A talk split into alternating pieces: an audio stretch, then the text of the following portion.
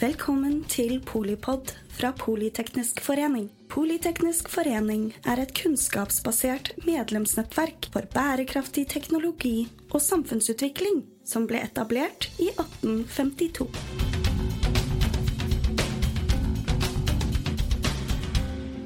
Vi har to innholdsrike timer foran oss. Vi skal finne ut hva toppolitikerne mener er et godt eierskap, hva topplederne mener er et godt eierskap, og hvordan vi kan løfte eierskap som tema. Vi har hatt så stor pågang med folk at vi kommer også til å eh, sende dette som tre sekvenser på en av Norges viktigste podkaster for kunnskapsformidling, nemlig Polypod. Som kan det gå når det ikke er plass til flere. Eh, og for de som ikke rakk å få seg en kaffekopp eller pudre nesen, så er det nye muligheter klokka ni. Men vi sløser ikke mer med tiden når vi har selveste finansministeren på besøk. Vi gleder oss til å høre hva du mener er et godt eierskap. Tusen takk. Nå har ikke pudra nesa så veldig mye i dag, da, men uh, kanskje jeg skulle gjort det. Og så er Det jo, det er jo noe rart med det å bli voksen. Jeg husker Før første gang jeg var på sånn Slottsbygda, så syntes jeg det var verdens mest rasjonelle ting å dra på en fest og en fest og en fest etterpå. Mens nå har jeg begynt å synes det er verdens mest rasjonelle ting å dra og legge seg. Det er veldig mye kjedeligere, men det er mye morsommere når de står opp. Så, så, så, det er mye greier i dag, så stemmen nå handler om forkjølelse, ikke festen i går. Jeg måtte bare få sagt det. det kan høre sånn ut. Men jeg har lyst på å ta eierskap i noen punkter, for nå er vi i samvirke. Og da har jeg lyst på å ta punkt én, og det er Obos. For det er det som eh, man tenker at, eh, at jeg som sånn landbruksmann skulle bare snakke om landbrukssamvirke. Men så begynner med Obos først. For det er veldig interessant, så Hvis du ser Norge kontra Sverige, for jeg tror at når du ser hvor fin, altså Hvis du drar oppover Groruddalen og du ser hvor fint oppover Groruddalen, kontra hvis du drar tilsvarende områder i Sverige, så er det veldig veldig stor forskjell. Og I Norge så har vi valgt én strategi. Vi har valgt selveierstrategien. At folk skal eie sin egen bolig. Det har vært liksom grunnrøttene våre som samfunn over tid. Og vi har også organisert boligsektoren i de store byene på samme måten. Og jeg, når du skal analysere hvordan det er, det er ulike samfunnsutviklingstrekk i ulike land, også ulike deler av landet, så tror jeg det er veldig sterk sammenheng mellom eiendom, eierstruktur og leie. I Sverige har man valgt en helt annen boligstrategi med mye mer utleieboliger. At det er en sosial boligbygging, men det er ikke eh, du sjøl som eier det. Det er en eller annen utleiegård. Og jeg tror Fordelen når det er personlig eierskap, også gjennom samvirkemodellen Obos, så er det at du sjøl tenker at jo, hvis vi har litt fint rundt der jeg bor, hvis jeg pusser litt opp, holder litt i orden i oppgangen, blir litt sur på naboen som ikke pusser opp, så blir det penere og mer ordentlig i det området du faktisk bor. Så jeg er litt sånn opptatt når vi, kan, vi tenker ofte sånn politisk at um, Obos, er det noe Ja, hva er nå det, liksom? Er ikke bare blitt en stor sånn, ny eiendomsutbygger? Men hvis jeg tror du tar de langsiktige konsekvensene, at vi i Norge har hatt en selveieridé istedenfor en utleieridé, så tror jeg det er utrolig viktig for hvordan du ser f.eks. hvordan Oslo ser ut. Bare dra i det samme området i Stockholm. Det er helt, helt annerledes. Så når vi skal skal drive med boligpolitikk framover, så er det mange som det her er det også noen, det er noen partier som vil at man bygger veldig mye mer utleieboliger. Jeg har ikke noe tro på det. Jeg har veldig tro på at vi må ha en tenkning at det flest mulig eier sin egen bolig. For det skaper bedre og penere bomiljøer. Så Det er sånn punkt nummer én jeg har lyst på å si. Og at man også er bevisst på det i Obos sjøl, egentlig. Eh, hvor viktig det samfunnsoppdraget er, som hun har tatt på seg, da, og som hun da gjennomfører hver dag. Så er det eierstruktur ellers. For det er veldig interessant at du ser ulike deler av Norge hvilke områder som går dårlig og bra. Og jeg tror at Hvis du begynner å se sånn mitt eget fylke Hedmark, så i de områdene der det er veldig store statlige grunneiere, veldig store private grunneiere, så går det dårligere enn det er mange små. Fordi at i området, det er min, Her er min personlige tese. Jeg har aldri fått, jeg har lyst til å forske på det. Jeg husker da jeg var landbruksminister, hadde jeg lyst til å sette i gang et forskningsprosjekt på det. men jeg fikk aldri gjort det. Fordi at det, I de områdene der f.eks. Trysil, da, som man skulle tro gikk best av alle områder, der er Statskog en kjempeeier. Men de genererer veldig lite penger tilbake til lokalsamfunnet sitt. Men hvis du drar til Nord-Østerdalen, der det er veldig mange små eiere, så er det mye større andel av folk og barn som flytter tilbake til området og reinvesterer. Så det er jo I min kjernetenkning og Senterpartiets kjernetenkning så er det at det mange eier genererer veldig mye aktivitet. Og du ser i de områdene som går ganske dårlig i Norge, spesielt sånn i indre strøk, der det er få store eiere, enten det er statlig eller privat, så går det ofte dårligere enn der det er mange små. Og Det tror jeg handler om reinvestering, eierskap, at man ønsker å bygge det lokalsamfunnet man er i. Også men jeg tenker også det er statlig. Og det, nå sier jeg det liksom for en regjering som er for å eie uh, Meråker Bruk, da, for å ta en diskusjon som vi har hatt med statsminister, tidligere statsminister Erna Solberg. Uh, det, så er det jo, Men i bunnen så tror jeg det nesten uansett uh, at det, der, det spredte private eierskapet er det som skaper mest aktivitet. Så er det synet på uh, eierskap av naturressurser. Der er det også et politisk, politisk, skille. Der denne regjeringa som jeg representerer, vi tror nettopp at det er viktig for et land å sikre eierskapet til de norske naturressursene. Det ligger liksom i DNA-et vårt. Og vi mener jo da både gjennom konsesjonslovverk og regulering av hvem som skal ha lov til å kjøpe og eie, at det er en fordel, at det er forpliktelse at de som eier store eiendommer, også skal bo i det området eiendommen er. Og Der har vi jo hatt en diskusjon i Norge egentlig 100 år. Eh, hvor strenge skal konsesjonslovverket være? Vi mener at det har tjent Norge godt at vi har hatt det lovverket. Så er det ulike syn på det. Men nettopp det handler jo om at man eh, ønsker nasjonalt eierskap, men også lokalt eierskap. At de som eh, sitter på store naturressurser, også skal bo i de områdene naturressursene faktisk er. Så det ikke bare blir ferieboliger, ren høsting, men også at det blir lokalsamfunn. Det har jo vært måte, ideen rundt synet på eierskapspolitikken på jord og skog i Norge.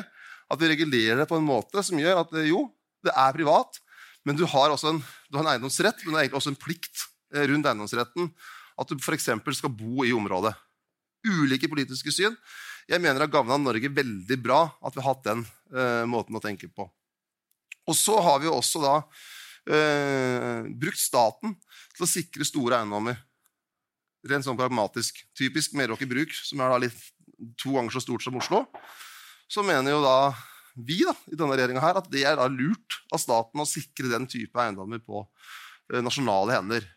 Men vi ønska jo forrige gang vi gjorde det, med Borregaardskogene, hvis dere husker det. Da kjøpte vi først eiendommen, og så begynte vi å dele den opp til mange små lokaler med arronderingssalg.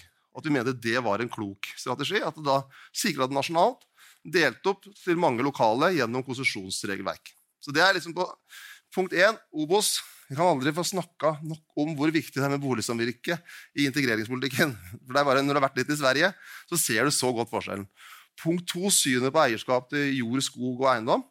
Punkt tre samvirke. Jeg har jo vokst opp i samvirke. Det er nesten litt skummelt. Det er nesten en religion for noen som har vokst opp i samvirke. Og så da jeg var statsråd sist, så var det så skuffende, for jeg skulle på årsmøte i Nortura. Og så uka før så fikk jeg brev. Du er nå utmeldt. Jeg fikk ikke det i dag, da. men det handla om at jeg ikke hadde levert kjøtt på noen år. Så da ble jeg sånn tvangsutmeldt. eller det var rett før jeg skulle holde foredraget. Men hva er forskjellen på samvirketenkninga og tradisjonelt aksje, aksjeeierskap eller aksjeforetak, som vi også trenger? Begge deler er veldig viktig. Samvirket har i sin natur en veldig sånn langsiktighet. For den er jo etablert for å løse et felles problem. Det er jo det det egentlig er eh, etablert for. Akkurat som det var etablert for å eh, løse et boligproblem. Det er ingen som skal ta noe stort profitt ut av det. Det er ikke noe gevinst, men du skal løse et problem for de som er medlemmer. Akkurat som uh, Felleskjøpet Agri eller uh, Landkreditt eller Tine eller altså De ulike selskapene. Jo, poenget er det er ikke noen som skal ha noen kortsiktige gevinster, men det skal løse en utfordring for medlemmene. Det er egentlig hele naturen. Og Derfor er samvirker når de er godt styrt, egentlig stabiliserende. Veldig stabiliserende. For den har den langsiktigheten, og hele formålet for eierne er ikke å ta en gevinst i utbytte, men at du skal få levert produktet ditt, få boligen din, eh, få en trygg bank, få de her ulike grunntjenestene. Derfor er jo samvirkemodellen uh, i sin natur langsiktig og stabiliserende. Og annerledes enn aksjemodellen, for der kan du jo også bare investere noen ganger bare for å få en ren gevinst. Jeg tror veldig Mange føler personlig eierskap til et AS man også eier. Men der har du også mer den spekulative delen. At du selger deg inn og ut. Det kan være veldig kortsiktige hensyn som gjør at du akkurat i dag vil eie det, i morgen vil eie noe annet. Så det er en, annen måte å tenke på enn samvirkeforetakene uh, i, i, grunnaturen. Og Derfor er det så viktig at når vi skal ha politikk Hvor lenge har jeg den egentlig? Okay. Eh, når, vi ha, eh, når vi skal se eierskapet, så må vi eh, Når vi tenker samvirkeforetak, så har vi en egen samvirkelov som vi vedtok i 2008. Erna kommer sikkert til å snakke om formuesskatt. Samvirkeforetakene har jo bare statlig formuesskatt. Og vi må ha en politikk som gjør at det er en forutsigbarhet for, for norske samvirker. Fordi den har en sånn annen samfunnsrolle enn mye av det andre type eierskapet. Og det er, formålet er nettopp å løse en oppgave for deg eller for meg som eier av Coop eller Felleskjøp Agri eller noe annet som en er en eh, medeier i. Og derfor har, øh, mener jeg at det er viktig at øh, noen dessverre noen som ikke kan nok om samvirke, framstiller det litt som sånn offentlig virksomhet. Men det er akkurat like privat som et aksjeselskap. Og så har du det personeierskapet. Så du har, måte, punkt én så har du jo da samvirkene, du har uh, aksjeselskapene og du har det personlige eierskapet. Den, på, på den Oslo Børs så er det cirka, for dere spør om utenlandsk eierskap. I Oslo Børs over tid så har det utenlandske eierskapet vært veldig stabilt. Det er rett i overkant av 40% og så går det litt opp og ned fra kvartal til kvartal. Men over tid veldig stabilt. Det er det som egentlig er hovedbiten.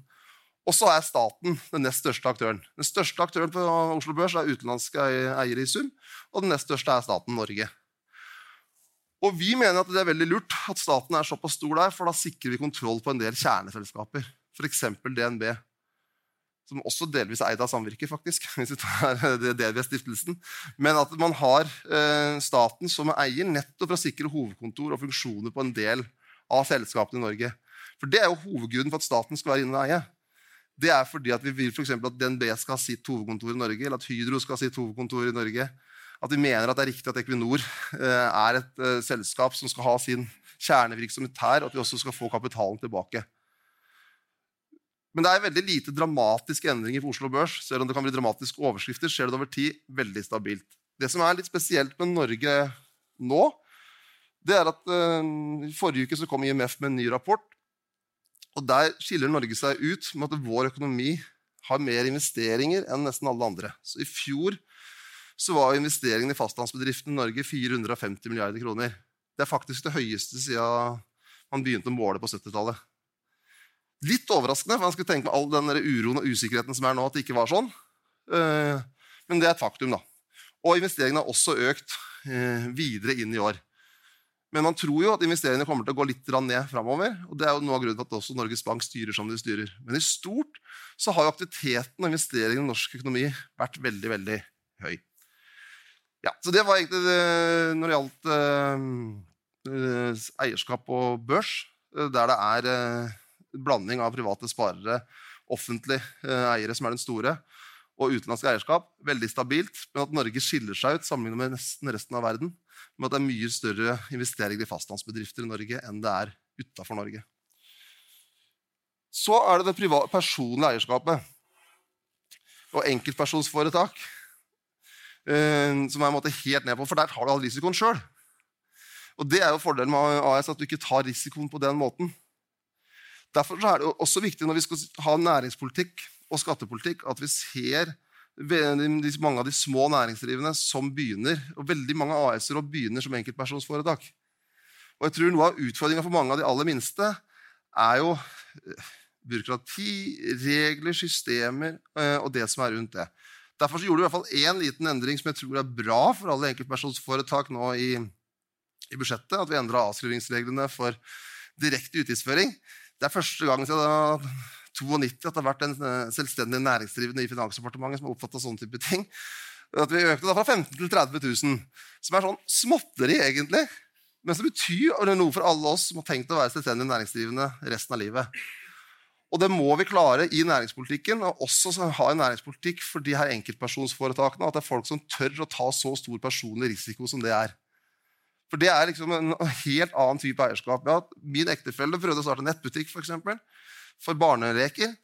Veksla mellom å jobbe i politiet og det. Litt sånn avveksling. Uh, og jo, Da tar du risikoen, men det er gøy, og du må kunne legge til rette for det. Så vi må, Når vi tenker eierskapspolitikk i Norge, så må vi tenke liksom alt fra boligsamvirke til samvirkemodellen til AS til statlig eierskap, men også til å uh, stimulere til det spredte private eierskapet. Det er egentlig det jeg hadde lyst på å si. Og så skal jeg avslutte med det. at jeg, nå jeg fikk en anekdote. For oss som er opptatt av privat eierskap, så tror jeg også privat eierskap har en veldig sterk kobling til folkestyret vårt. For Helt tilbake til eh, Grunnloven så er det veldig tett omtalt. Og noe av vernet ditt og mitt er også at vi har det private opp mot det offentlige. Og at det er en del av folkestyret og den delen av den norske tradisjonen at vi eier ting sjøl.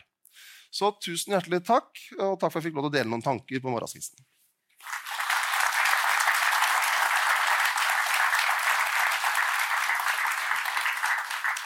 Du snakker om et nærhet til eierskap, at det er best.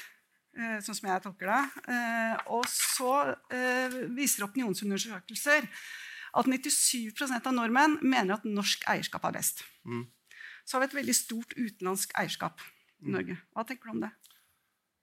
Jeg er, altså, jeg er jo veldig opptatt av norsk eierskap, mm. og ikke minst at vi skal sikre det på de her grunnleggende norske naturressursene. Og Da bruker vi både lovgivning og ja, rett og slett eh, også statlige penger for å sikre det. Eh, men først og fremst lovgivning. Men jeg mener ikke at det er noe problem at på Oslo Børs at rundt 40 er utenlandskeid.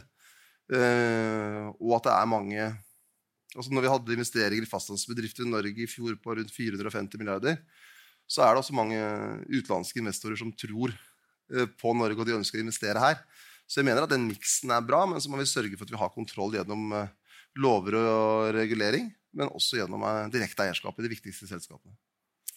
Vi tar med oss særlig at du heier på samvirkeeierskap. Og så takker vi for at du kom. Istedenfor en blomst så blir det en gave til Røde Kors sitt viktige arbeid.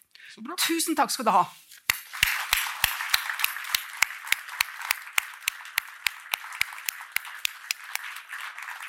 Jeg vet at du snart må løpe videre, for jeg har hatt uh, rådgiverne dine, sånn at de er opptatt av å få tak i deg. Uh, neste uh, kvinne ut er ingen ringere enn tidligere statsminister og nå Høyre-leder Erna Solberg. Vi gleder oss veldig til å høre hva du mener er et godt eierskap. Ta godt imot.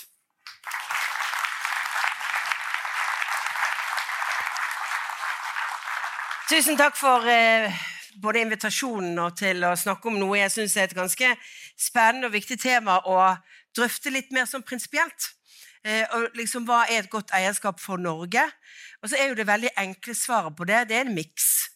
Det er en blanding av eierskap. Og det må vi komme tilbake til. Men jeg skal svare litt på det, og så skal jeg passe på å svare på den utfordringen. Jeg, hadde ikke planlagt å si så mye om formuesskatten, men Trygve ga meg jo en oppspill til at jeg burde si noe om det, jeg også. Og så har jeg lyst til å si at uh, det er mange uh, som eh, karikerer Høyres eh, forhold til eierskap. Det er mye mer nyansert enn det mange vil ha det til. Og eh, det er jo for historisk sånn at Høyre har vært for statlig engasjement på mange områder i store industriprosjekter, andre for å ivareta norske nasjonale interesser.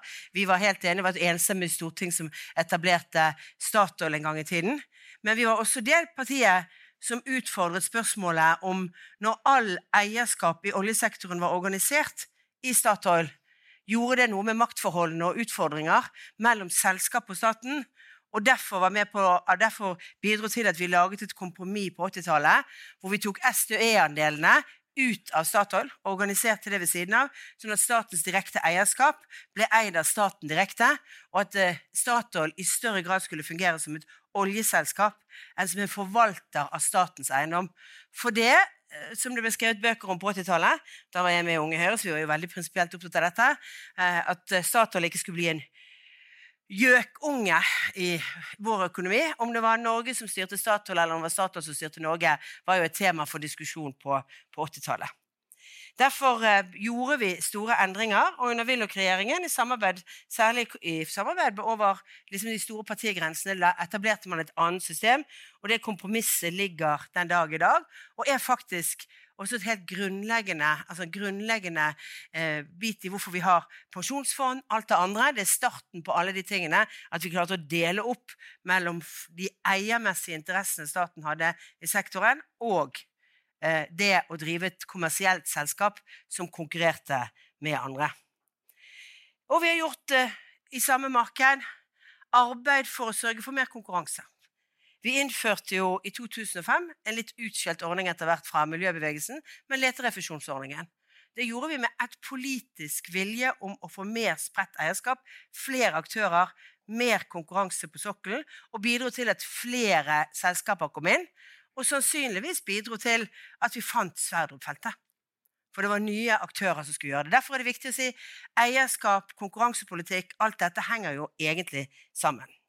Og når jeg sier det også, så er det fordi jeg mener at eierskap både kan være eh, altså eierskapet fra staten, eller, eller, hvordan vi ser på det, både må være pragmatisk og det må være tilpasset eh, sin tid. Eh, og eh, ting endrer seg. Det har vi jo sett f.eks. med de store statlige selskapene som Telenor, som jo begynte som Televerket og ja, altså når jeg flyttet hjemmefra, så var det to års ventetid på å få telefon i Bergen. Jeg var sånn tilkallingsvikar i skolen. Og jeg kunne ikke gjøre det, for jeg hadde ikke telefon lenger, så jeg kunne ikke tilkalles. Så jeg hadde en avtale med rektor på naboskolen, for jeg bodde rett bak, liksom om at, uh, at jeg kunne stikke innom og høre hvis sånn, om det var noe behov. Av og til så nesten resten av uken, men ellers var det ikke mulig. Og I tillegg til at det var to års ventetid, så måtte du uh, levere inn betale Det er mye i 1981, altså. 2000 kroner for å stå i køen. I lån til Televerket. Eh, jeg er ikke sikker på om vi har fått tilbake igjen det lånet noen gang heller, hvis vi stilte i den køen, men det er det. Eh, det gikk vel bare inn. Men eierskap handler jo da om mangfold, konkurranse, nytenkning. Det handler om mindre private aktører kan gi avgjørende bidrag. Ikke minst for kommende generasjoner at det er viktig å se på dynamikken. og Derfor må eierskap tilpasses eh, hvor og på hvilken sektor, og hva som er utfordringene i de sektorene når du gjør det. Og så handler det om mye. Det handler om statlig, det handler om privat, det handler om norsk og utenlandsk eierskap. Lokalt, eller, eh, lokalt eierskap eller nasjonalt og uten lokal tilknytning. Det dreier seg selvfølgelig også om hvordan et privat eh, eierskap er organisert. Derfor mener jeg at det er viktig at vi har dette konkret, at vi kan kanskje huske på Eller kategorisere tre viktige deler av en vurdering om hvordan eierskap skal være. For det første er jo den grunnleggende vurderingen hva er best for arbeidsplassene, forbrukerne og selskapet. Det er nå engang sånn at det å levere inntekter til det offentlige, inntekter til de ansatte og til eierne er, et viktig formål, og for mange selskaper også å løse, oppnå, løse utfordringer i vårt samfunn og levere ting. Konkurranse er stort sett bra, og vi behøver hindre offentlige og private monopoler. Og der har jeg lyst til å si Høyre er like opptatt av å forhindre private monopoler som vi har vært opptatt av å forhindre offentlige monopoler. Kan vi ta en diskusjon med noe av samvirkene på? Vi er opptatt av at vi får bedre forbrukerpolitikk av ha konkurranse også i sektorer hvor du kan få gjennom samvirkemodellen monopoltendenser i vårt samfunn. Effektiv, rettferdig konkurranse sikrer også innovasjon, bedre ressursutnyttelse og muligheter til å vokse i andre markeder enn det norske, og det er viktig å huske, selv om 97% var det mente at det skulle være norske, altså ville helst ha norsk eierskap, så er det viktig å huske at noe av det mest norske vi har, altså det vi tenker på som, norsk, som, som Yara et selskap som liksom er kunstgjødselen, det er starten, det er liksom nasjonalromantikken egentlig om hva vi begynte med å lage ut fra, fra vannkraften. Det er jo større ute enn det hjemme. Det er større i andre markeder enn hjemme. Og markedene deres er jo størst ute. Og det burde vi egentlig bare være stolt av. Jeg var det da jeg var statsminister og så hvordan de jobbet med å få små kaffebønder til å ha mer produksjon på sine arealer og være mer miljøvennlige og bruke ressursene sine bedre. At et norsk selskap bidro med den teknologien og alt det ute. Og så er det stort sett er det sånn at den beste eieren av bedriften er den som kan drive best etter forretningsmessige prinsipper, med solide overskudd og trygge arbeidsplasser. Det mener jeg også er viktig. Det er den eieren som klarer å få det til. Og det er bra med veldig mange norske eiere, og jeg er veldig for, for det er noen fordeler norske eierskap, norsk eierskap gir som ikke andre eierskap nødvendigvis gjør. Men det er veldig bra med det. Men vi trenger også mange utenlandske eiere av norske bedrifter, og vi har det som er langsiktige, de er kompetente, de er kloke, og hvor eierskapet har kommet sånn fordi det har vært godt for bedriften. Fordi det har vært knyttet til et større fellesskap innenfor det segmentet og sektoren og bidra til at det selskapet i seg selv er blitt større og sterkere. Sånn, det sikrer både arbeidsplasser altså, og, og, skatteinntekter. Så det er viktig å huske at ikke utenlandsk eierskap er galt. Men det er noen ekstra verdier med norsk og nasjonalt eierskap. Og særlig det lokale eierskapet. Det bidrar til at mer kommer tilbake igjen i lokalsamfunnet enn det mange av de store andre gjør. Men jeg har jo lyst til å si når vi snakker om mye investeringer i Fastlands-Norge, så vi gjennomfører for øyeblikket Norges største investering i Fastlands-Norge utenfor olje og gass noen gang. Det er et utenlandsk selskap som gjør i Odda. Den store utbyggingen i Odda. Den største fastlandsutbyggingen vi har hatt av noe som helst industri. Vedtaket ble fattet i 2020. Det varer et år til. Og det er så stort at det slår ut på statistikken til Trygve. Når det er eh, altså den ene beslutningen om å bygge ut i, på, eh, i Odda. Og så er det En annen viktig ting i eierskap det er at det henger sammen med maktfordeling i samfunnet vårt. Og Der tror jeg det er kanskje den mest grunnleggende enigheten mellom Senterpartiet og Høyre ligger i noe av dette. Vi tror på eiendomsretten, og vi tror på at det er en del av maktfordelingen. Altså Det har vi alltid ment. Eh, at det er det å ha privat eierskap og personlig eierskap til ting bidrar til at uh, da sier det mer makt. Det er en verdi i seg selv at man har ulike eierskap. For så har Fritt behandlingsvist for eksempel, verdien av ulike behandlingsformer. Vi får et større mangfold ved at vi har mer privat eierskap også. Og så tror jeg da at det, eh, det private, lokale eierskapet viser seg særlig der, i mindre steder. Jeg tror det er positivt for samfunnet vårt at bedriftseiere og bedriftsledere møter ansatte over frysedisken på om det er Rema 1000 eller om det er samvirket sine bedrifter. Altså om det er Coop-en eller annet. At de er i samme fellesskap, at de fatter beslutninger.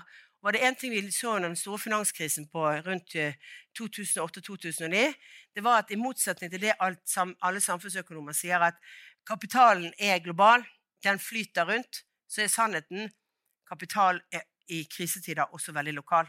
Den trekker seg tilbake til kjernevirksomheten. Og det betyr at hvis du ikke har en god ramme av lokalt eierskap, så er det større fare i krisetider for at da blir den bedriften i Norge mindre prioritert enn den bedriften som måtte ligge i Pittsburgh eller et eller annet sted. Sånn er det bare. Og vi kan godt si at kapitalen er nøytral og bare synger, men det er, ja, sånn fungerer ikke folk, og også de som styrer selskaper, er folk. Og Så kan man organisere eierskap i samvirke, som jeg syns er en kjempefin måte. Jeg er helt enig med Obos, selv om jeg vil si at som gammel boligminister så er det en litt større forklaring enn Obos på hvorfor vi har det. Altså, det er tre land i Europa som har mye mer selveie. Felles for alle de tre landene er at vi egentlig ble industrialisert etter andre verdenskrig, og ikke før andre verdenskrig. Sånn at vi så hva de andre hadde gjort feil. Og det er Irland, Spania og Norge. Vi har, mye, vi har høyt privat eierskap i boligmarkedet. Og så hvor viktig det var at bolig også var en del av dette eierskapsbiten. Men selveierdelen er viktig. Men det som er en utfordring, og det jeg har lyst til å si med samvirke, er jo der hvor samvirket får monopol i sine områder. Da må staten inn og regulere det monopolet på akkurat samme måten som å regulere andre monopol. Privatmonopol er ikke bedre enn en, en eh, offentlig monopol. Eneide monopol ikke bedre enn mangeeide monopol for samfunnet, fordi konkurransebetingelser og marked må vurderes i alle sånne sammenhenger. Og så er det nok en utfordring som kan komme i en del samvirkebedrifter, og det er spørsmålet har man god nok kapitaldannelse for store investeringer i store omstillinger. Altså det at eierne tar ut utbytte, at det hele tiden bygger man nok opp buffere for, for de store investeringenes tid. Og det ser jeg at en del samvirkeorganisasjoner faktisk sliter litt med, kanskje med unntak av Obos. for å si det sånn. De, de har litt å gå på. Det tredje prinsippet er jo hva er best for samfunnet. Noen selskaper bør være heleid av staten fordi det er viktig med nasjonal kontroll. Og Der er vi heller ikke uenige i at eh, eksempel, det er helt nødvendig at nettet, strømnettet vårt staten, at det er heleid, det er en infrastruktur til andre. Det er mange selskaper eller hvor statlig eierskap kan, kan ha en andel på grunn av at det er så vitalt å ha altså, hovedkontorer, men kanskje også forskningsavdelinger og annet i vårt land. Og også for å holde på kontroll på nasjonale ressurser. Og jeg mener jo at dette er blitt viktigere i en mer globalisert verden og i en forverret sikkerhetspolitisk situasjon. Det er veldig annerledes i dag enn det var på 80-tallet. Både i forhold til det at vi har globalisert i økonomien, at det å beholde nasjonal kontroll er viktigere på en del områder enn det det kanskje på det tidspunktet var. Så Derfor mener jeg at eierskap må vurderes konkret for hvert enkelt selskap. Men vi også være litt ærlige på at uansett eierskap, så har det noen plusser og noen minuser. Også statlig eierskap har noen utfordringer. Derfor er det viktig at det forbeholdes de selskapene der det virkelig er viktig. Et eksempel er den historien vi har med at statlig eierskap ikke klarer å ta omstillinger godt nok. Altså Jernverket i Mo i Rana. Underskuddene vokste utover 1970-tallet. Det ble for opptatt av å vokse seg store fremfor å gå med overskudd.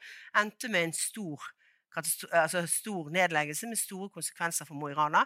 Som nå selvfølgelig går bra, men det var ganske sterke omstillingsutfordringer. Det at du ikke har private som er avhengig av at man passer på å gå med overskudd også på litt mer kort sikt, det har en utfordring. Derfor er miks ofte viktig.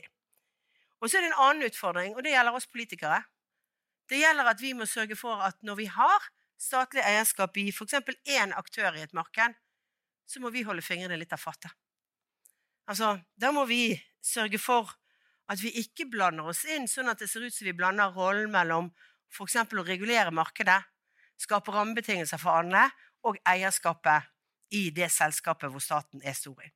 Det er noe av de vanskelige tingene. For eksempel så får min innboks, og jeg er sikker på Finansdepartementet får det samme, fullt av internasjonale oppfordringer om at vi skal bruke det statlige eierskapet til å gå inn og detaljstyre Equinor på spørsmål om dette Rosenbank-prosjektet, som, som, for øyeblikket er, et, er, en stor diskusjon. Jo, det er alltid vanskelig når staten eier mye, å forklare at dette kan vi faktisk ikke gjøre på akkurat denne måten. Så Eh, er det jo sånn at eh, Regjeringen legger frem eierskapsmeldinger for Stortinget jevnlig. Det er mange fine prinsipper om hvordan staten skal være som eier. Men fristelsen kan jo være stor å føre det noen vil kalle en aktiv næringspolitikk. Og jeg vil kanskje kalle det en aktivistisk næringspolitikk, som av og til skal svare på litt mye presseoppslag om en sak, og som i seg selv da medfører at uh, du blander deg inn i et marked som gjør at det blir uklare roller fra statens side. Det kan påvirke private som er medeiere i samme selskapet, eller andre selskaper i sektoren. Derfor er det veldig viktig. Så er det viktig også å huske at staten spiller en enormt stor rolle i veldig mange andre områder. Infrastruktur, skatter og avgifter. Og f.eks. da om den særnorske formuesskatten. Vi har jo mulighet til å påvirke eierskapsstrukturer gjennom hvordan vi skattlegger i Norge. Og hvis vi vil ha lokalt nært eierskap, mange små og mellomstore bedrifter spredt eierskap, er det jo dumt at de skal betale ekstra mye for det i forhold til en utenlandsk eier, som da kanskje i krisetider ikke vil være like med. Det er liksom debatten om formuesskatten. Jeg mener at vi har gått langt over grensen for det, eh, av, av, hvor mye vi belaster små og mellomstore bedrifter med, med, med formuesskatt i dag, som gjør altså at eh, prisen på en norsk bedrift for en utlending blir så mye billigere enn det vil være for en privat eier. Og det, den grensen merker vi ikke før vi begynner å se at aktivitet flytter og annet. Men det har vi mange debatter om fremover. Eh, men det var altså sånn at det skatteutvalget som la frem sin innstilling i fjor, mente at eierskapsbeskatningen i Norge var blitt for høy, og det gjorde de før den siste økningen i eierbeskatningen som kom i fjor. Så det har bare gått feil vei. I tillegg er det jo veldig mange andre ting som er med på å påvirke hva vi gjør. Krav, standarder, miljø, mye av det som skal være til. Og ikke minst staten som innkjøper. Hvor staten som innkjøper kan være med på å bidra til at vi bygger opp og skaper flere norske bedrifter fremover. Så har mange andre virkemidler enn statlig eierskap for å bidra til en aktiv næringspolitikk i årene fremover. Men så er det sånn at i det norske samfunnet pga. oljeøkonomien så er det staten som er rikest Norge. Det er ingen privatpersoner som er spesielt rike i Norge målt mot hva staten er. Sant? Og det er de som har kapital. Og i en omstilling så er ikke det unødvendig, eh, altså ikke unaturlig, at man tyr til at staten skal være bidragsyter til den omstillingen også på eierskapssiden. Men eh, da er det viktig å huske at det kan være negative sider både i forhold til markedet, i forhold til utviklingen, evnen til å sørge for at dette blir lønnsom, lønnsomme eh, utviklinger fremover. Det kan bli en sovepute for mange. Og Da er det kanskje også sånn at hvis staten har mye kapital, så kan vi bidra til at den bidrar til at flere blir seierere, at flere også eh, kan være medeiere i egen bedrift, og at vi kan bygge på andre modeller, også som samvirkemodellen, for å få det til. Så eierskap er mangfoldig. Takk.